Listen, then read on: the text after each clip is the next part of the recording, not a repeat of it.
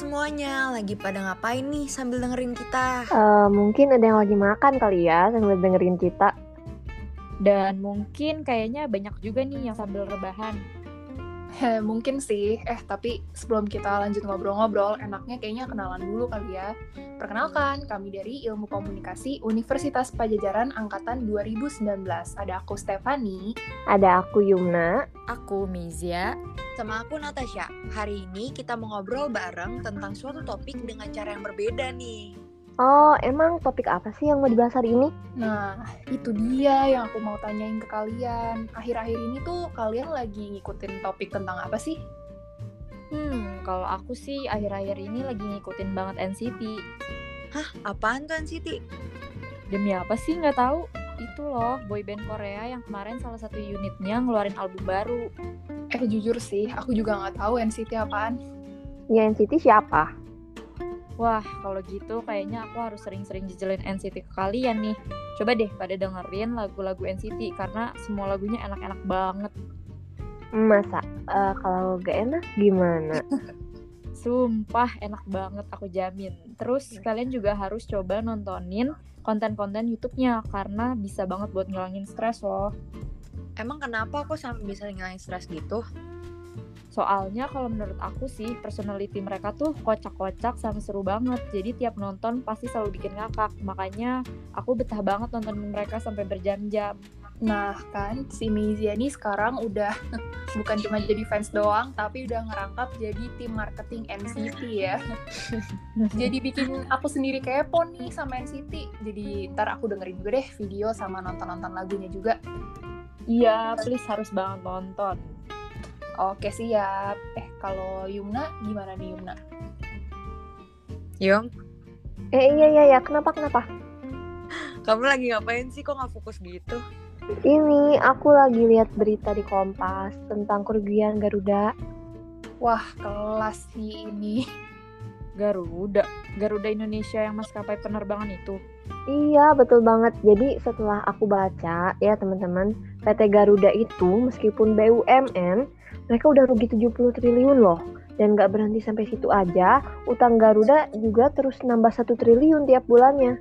Berat sih ini. Hah? Demi apa? Kok mereka bisa rugi sebanyak itu?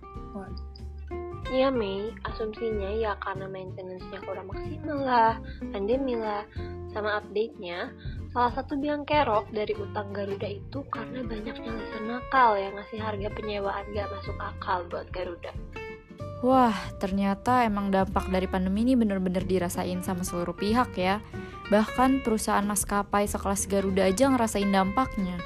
Iya, bener banget, bener banget. Tapi ternyata dari sini kelihatan banget deh perbedaannya Meja sama Yuna. Ya nggak teman-teman semuanya. parah, parah, parah. Yang satunya suka nyari informasi soal K-pop, satu lagi ngomongin permasalahan negara ya. Tahuan deh. eh by the way nih ya, by the way, kalian sadar gak sih dari tadi topik-topik yang kita obrolin soal K-pop lah, Garuda lah, itu tuh bisa ngegambarin teori uses and gratification itu loh yang pernah kita belajar. Oh, teorinya Elihu Katz di tahun 1959 itu kan? iya, sih tahu nih emang. Eh, tapi sebenarnya aku lupa loh teori uses and gratification itu teorinya kayak gimana. Boleh jelasin itu dikit Yang teorinya tuh ngelihat konsumen sebagai media sebagai audiens aktif. Tapi emang sih apa hubungannya ya sama teori uses and grats ini? Nih ya dari pilihan hiburan antara Yumna sama Mizia aja yang udah beda banget. Mizia nontonin YouTube-nya NCT, Yumna ngeliatin Kompas untuk info Garuda. Itu udah ngegambarin kalau kalian tuh memilih untuk mengonsumsi media tertentu berdasarkan gratifikasi yang emang kalian pengen dapet dari media itu. Oh iya, bener juga ya. Tapi selain itu, sebenarnya dari teori ini juga ada lima asumsi guys. Pertama, audiens itu aktif dalam memilih media dalam arti mereka dapat memilih apa aja yang ingin mereka tonton, dengar, maupun lihat. Kedua, audiens ini kan aktif memilih nih.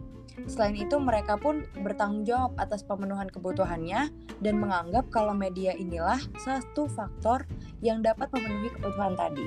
Oh, jadi maksudnya tuh karena aku butuh general information misalnya. Jadi sebagai audiens, aku aktif pilih-pilih media dan informasi apa yang mau aku butuhkan ya, Nan. Bener banget Yum, wah si keren nih langsung ngerti emang. Yeah. ya Allah. Asumsi ketiga teori ini bilang medianya sendiri itu juga tahu kalau di luar sana ada banyak persaingan untuk mendapatkan attention dari kalian sebagai audiens. Karena itulah media membuat berbagai konten yang menarik-menarik. Eh iya juga sih, sekarang nih ya hampir seluruh boyband K-pop itu tuh punya channel YouTube-nya sendiri-sendiri loh. Dan biasanya mereka tuh pakai YouTube channel ini buat nge-share vlog sama kegiatan-kegiatan lainnya.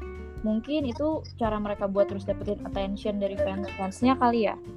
Eh bener sih, kelihatannya mereka juga jadi kayak berlomba-lomba gitu.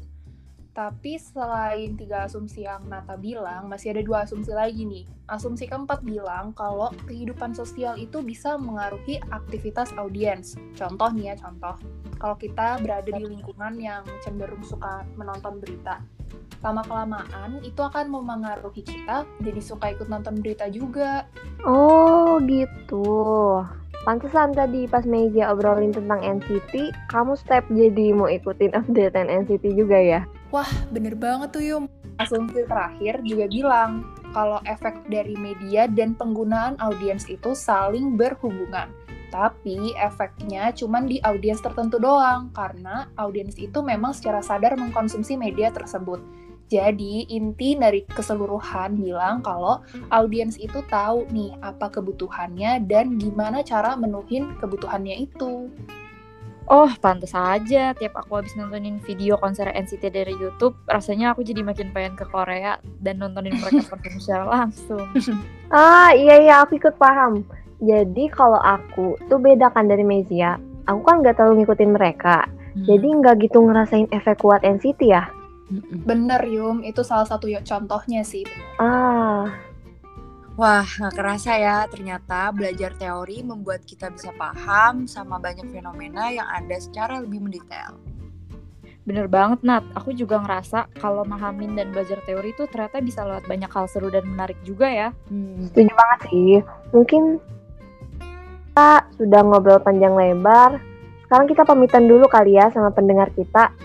Oke. Iya nih, buat teman-teman yang udah dengerin diskusi dan obrolan kami sampai sekarang nih udah mau habis. Thank you Mm-mm. banget ya. Iya, Ya. berempat pamit undur diri. Maaf kalau ada kesalahan kata dan sampai jumpa di kesempatan selanjutnya. Dadah. Dah. Terima kasih. Dadah. Thank you.